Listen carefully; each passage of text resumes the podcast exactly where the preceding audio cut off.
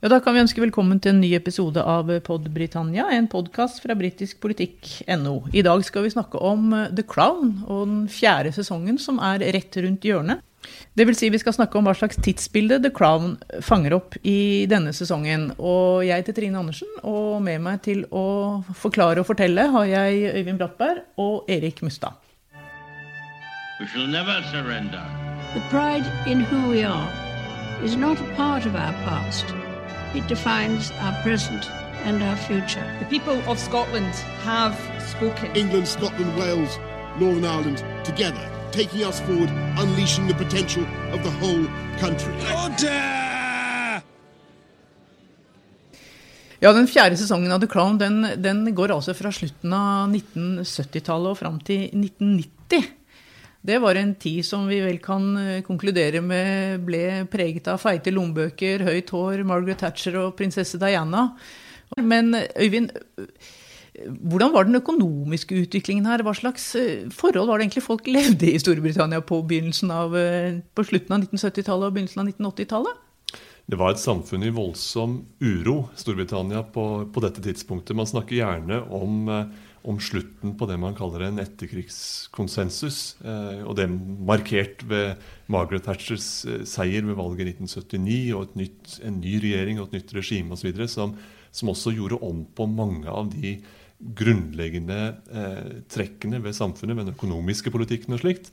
Men forut for det så hadde man et 70-tall som var kaotisk, urolig og også voldelig. Eh, en, en, et tiår hvor de, de, eh, økonomiske problemene ble overhengende. Statsgjelden vokste, eh, inflasjon og arbeidsledighet vokste. Mye sosial uro. Samtidig med at terroren i Nord-Irland, også utenfor Nord-Irland, med, med, IRAs angrep på, på britisk jord, var en overhengende trussel. Så denne perioden, når man ser den i, i bakspeilet, var en, en helt, et helt forbløffende urolig tiår eh, på samfunnsnivå og også politisk. Og et tiår som også forklarer mye av det som kom etterpå, hvor, hvor Margaret Thatchers politikk og hennes, eh, hennes, æra kan man si, var et forsøk på å, å, rette opp og på et vis ta et fast grep om en del av den eh, uroen og de skjevhetene og de vanskelighetene som hadde oppstått i, i tiåret før. Ja, Nå har jo ikke vi fått sett den fjerde sesongen ennå, men eh, det vi har sett av bilder, så ser vi bl.a. Eh, bilder her fra begravelsen til lord Mountbatten. Han, eh, kan du Erik, si litt mer om, om, hva det var som er foranledningen her? Ja, Lord, lord Mountbatten ble jo da drept av IRA på ferie i Irland. Eh, sammen med et barnebarn. Det var en veldig tragisk terrorhendelse som eh, han ble utsatt for, og som egentlig ramma hele det britiske kongehuset og for så vidt også det britiske samfunnet.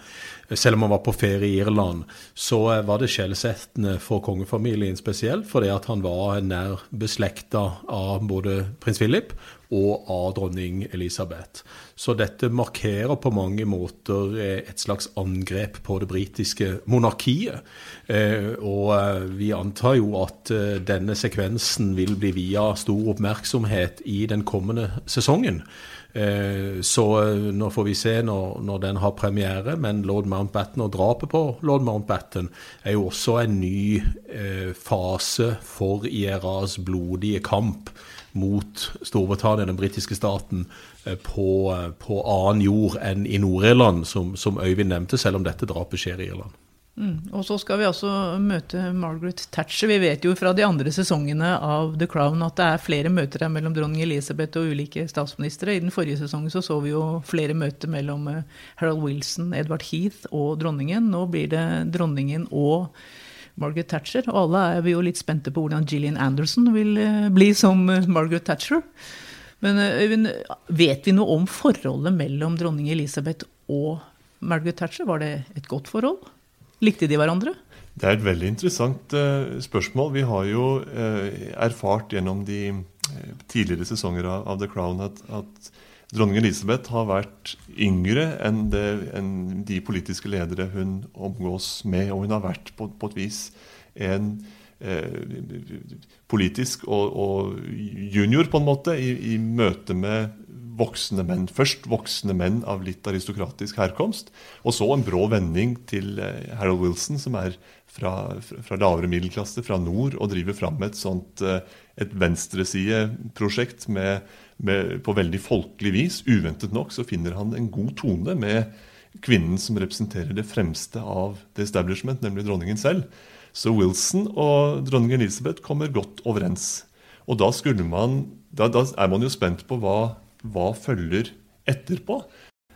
Når Margaret Thatcher kommer inn som statsminister, så er hun den første statsministeren som er jevnaldrende med dronningen. Hun er kvinne med en kvinnes erfaring i livet, både familieerfaring og kamp mot glasstaket osv. Man kunne tenkt seg at de vil identifisere seg med hverandre. Men det, ifølge historiebøkene så er det i veldig liten grad tilfellet. Det var snarere et, et vanskelig, komplisert forhold og, og to lynner som ikke møttes i, på, på, fredelig vis. Det var snarere to veldig ulike personligheter og et, en ganske kantete relasjon, vanskelig relasjon mellom dronning Elisabeth og, og statsministeren. Ja, Det blir jo veldig spennende å se hvordan det blir framstilt. Det er Peter Morgan som har skrevet dette. Han skrev jo også The Audience, altså dette teaterstykket om møtet mellom dronning Elisabeth og de ulike statsministrene. Så, så, dette er nok noe han er ganske opptatt av. Så det blir, blir veldig spennende. Er du enig, Erik, med den, det Øyvind sier her? Ja, det, det, det er sånn eh, historiebøkene fremstiller det. Og uh, The Audience uh, har vi jo sett også som skuespill i, i London, hvor du ser veldig mye av det samme, som vi antar også kommer til å være tilfellet i, i, The Crown i denne sesongen her. Ja, det er jo eh, Noe av det som er interessant der, er at kongehuset, altså monarkiet, er jo tuftet på, på eh, en, en, form for måtehold og, og samlende, eh, samlende rolle. Man kan jo ikke som kongehus gå i, i spissen for å splitte sitt folk. Men det som eh, Margaret Thatchers regjering gjorde, var jo et stykke på vei å å splitte gjennom en ganske hardhendt opptreden overfor eh, det hun erklærte som samfunnsfiender. Hun omtalte jo fagbevegelsen som, som den indre fiende under gruvestreiken eh, tidlig på, eller nærmere midten av, av, av 80-tallet.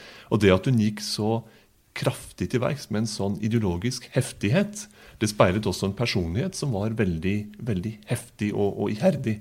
Og det gikk nok på tvers av det både av det eh, dronningen var, var, vant med fra sine statsministre, og noe av det hun satte pris på ved sine statsministre, var nettopp eh, den, den sindighet og forsiktighet som syntes å være helt fraværende hos, hos, Margaret Thatcher.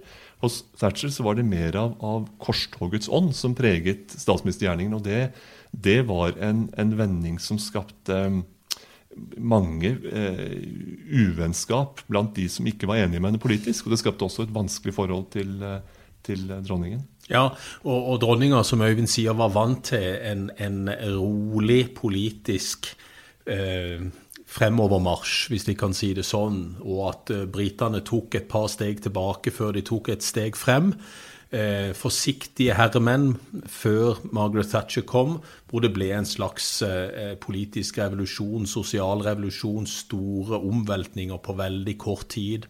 Enorme økonomiske reformer som ramma veldig mange lokalsamfunn rundt forbi i, eh, i Storbritannia. Det ramma eh, etniske grupperinger som plutselig var statsløse. De hadde ikke statsborgerskap. Det ble en ny lov som, som, omdefinerte hva det ville si å være britisk statsborger. Eh, hun begynte allerede i sitt første parlament eh, å, å, legge ned denne, denne gruvedriften, stenge ulønnsomme gruver. Eh, det er klart Trusselen økonomisk eh, kom fra andre land. Tradisjonell industri hadde gått ned nummer hjem, som Øyvind var inne på på, på 70-tallet. Og Dette gjorde jo at de endringene som kom, kom veldig fort og brått. Og det var ikke dronning Elisabeth vant til. Men dette var jo jappetiden. Det ble det. Det ble jappetiden etter hvert. Eh, med en økonomisk oppgang mot slutten av 80-tallet. Men eh, den første delen av 80-tallet, eh, til og med gruvestreiken 84-85, ble jo møtt med enorme reaksjoner rundt forbi, spesielt i disse gamle industrisamfunnene, som fikk en, en, en slepp over fingeren og sa at nå lukker vi ned absolutt alt. Alle disse gruvene er ulønnsomme. Og den indre fienden som, som Øyvind snakka om, med fagbevegelsen, jo gikk jo til krig mot fagbevegelsen og, og, raderte ut alt altså i løpet av denne gruvestreiken. Hun gikk jo ikke bare til krig mot uh, fagbevegelsen, vi har jo også en annen krig her, Falklandskrigen. Den uh, preget jo også dette tiåret, Øyvind?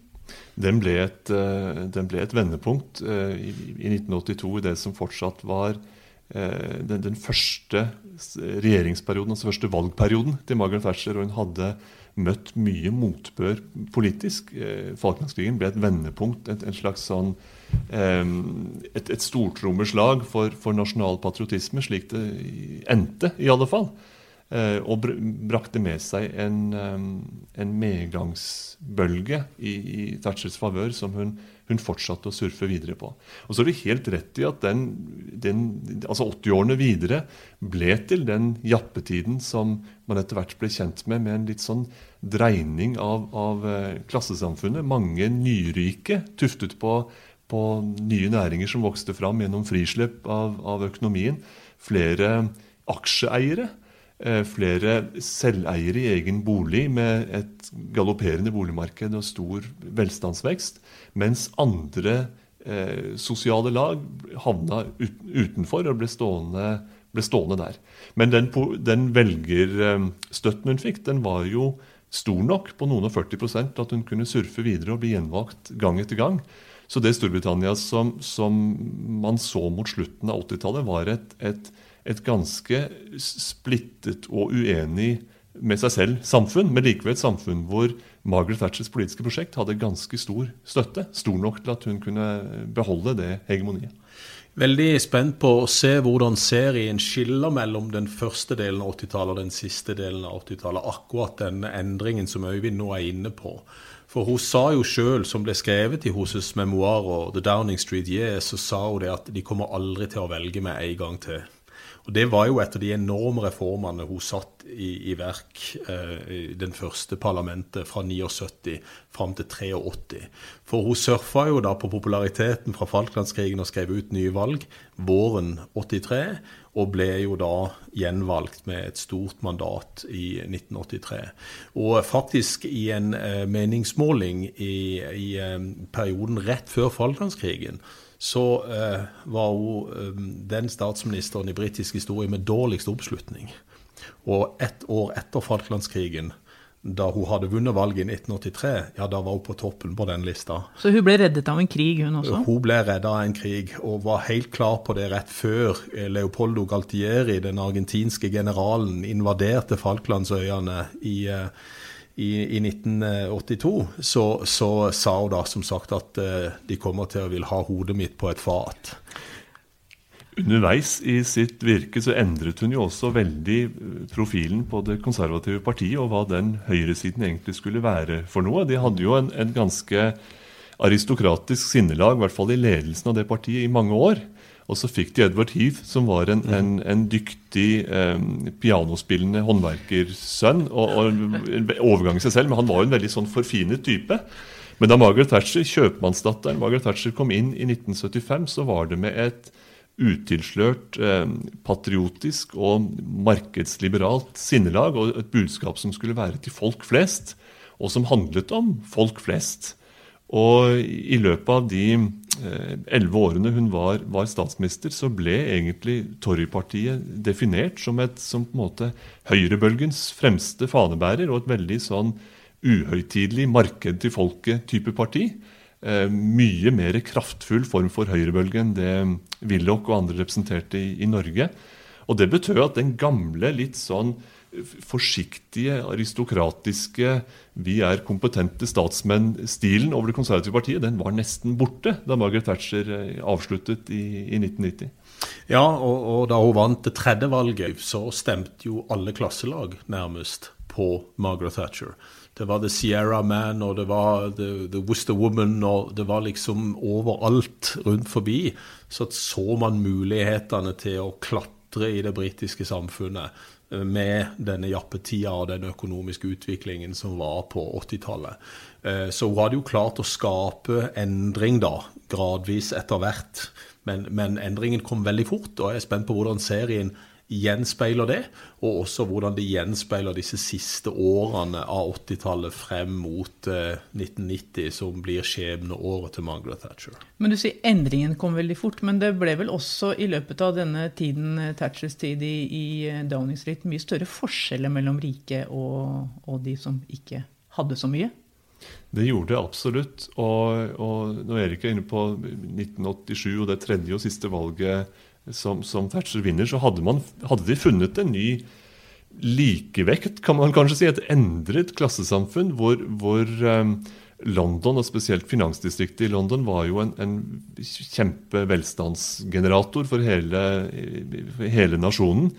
Og mange eh, servicenæringer, og spesielt alt som kunne knyttes til, til børsvirksomhet og, og pengestrømmer eh, på tvers av landegrenser osv. var i, i, vekst, mens tradisjonell industri, eh, gruveindustrien især, men også øvrig tradisjonell industri, hadde gått nedenom og hjem. Og en del av de, de mindre eh, bysamfunnene, og spesielt nord i landet, hadde jo ikke fått alternativ virksomhet på beina, annet enn noen helt bestemte spydspisser i, i, industrien, altså noe avansert eh, maskinindustri kanskje, og noe farmasøytiske næringer og sånt, det, det ble liksom litt sånne smalt definerte flaggskip.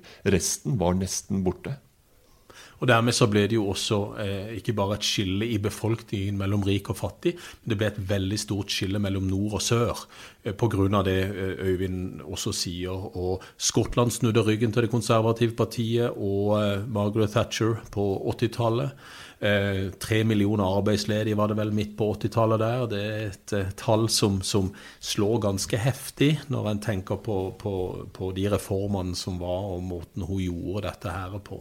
Så ja, større forskjeller også, også geografisk, men, men også sosioøkonomisk. Eh, absolutt. Og økonomien fikk helt andre forutsetninger, også med den økonomiske oppgangen som var generelt på 1980-tallet. Og så vet de jo at det spesielle forholdet til Ronald Reagan med monetarisme, thatcherisme, privatisering, som hun holdt på med.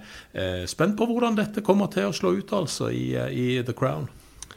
Og I takt med at, at uh, nasjonale institusjoner i tur og orden ble bygget ned, offentlig eierskap ble bygget ned, privatisering over en lav sko av en del av det arvegodset som den britiske stat hadde, så måtte også monarkiet omdefinere sin rolle. Den, den mest nasjonale av alle nasjonale institusjoner måtte venne seg til en, en eh, regjeringsform hvor statsministeren var kjøpmannsdatter, og hvor, hvor, markedet rår, og hvor også gamle godseiere må på børs. Så hvordan eh, dronningen selv og kongefamilie og monarkiet som institusjon håndterte dette, er nok også noe vi vil, vil eh, få en fornemmelse av i The Crown.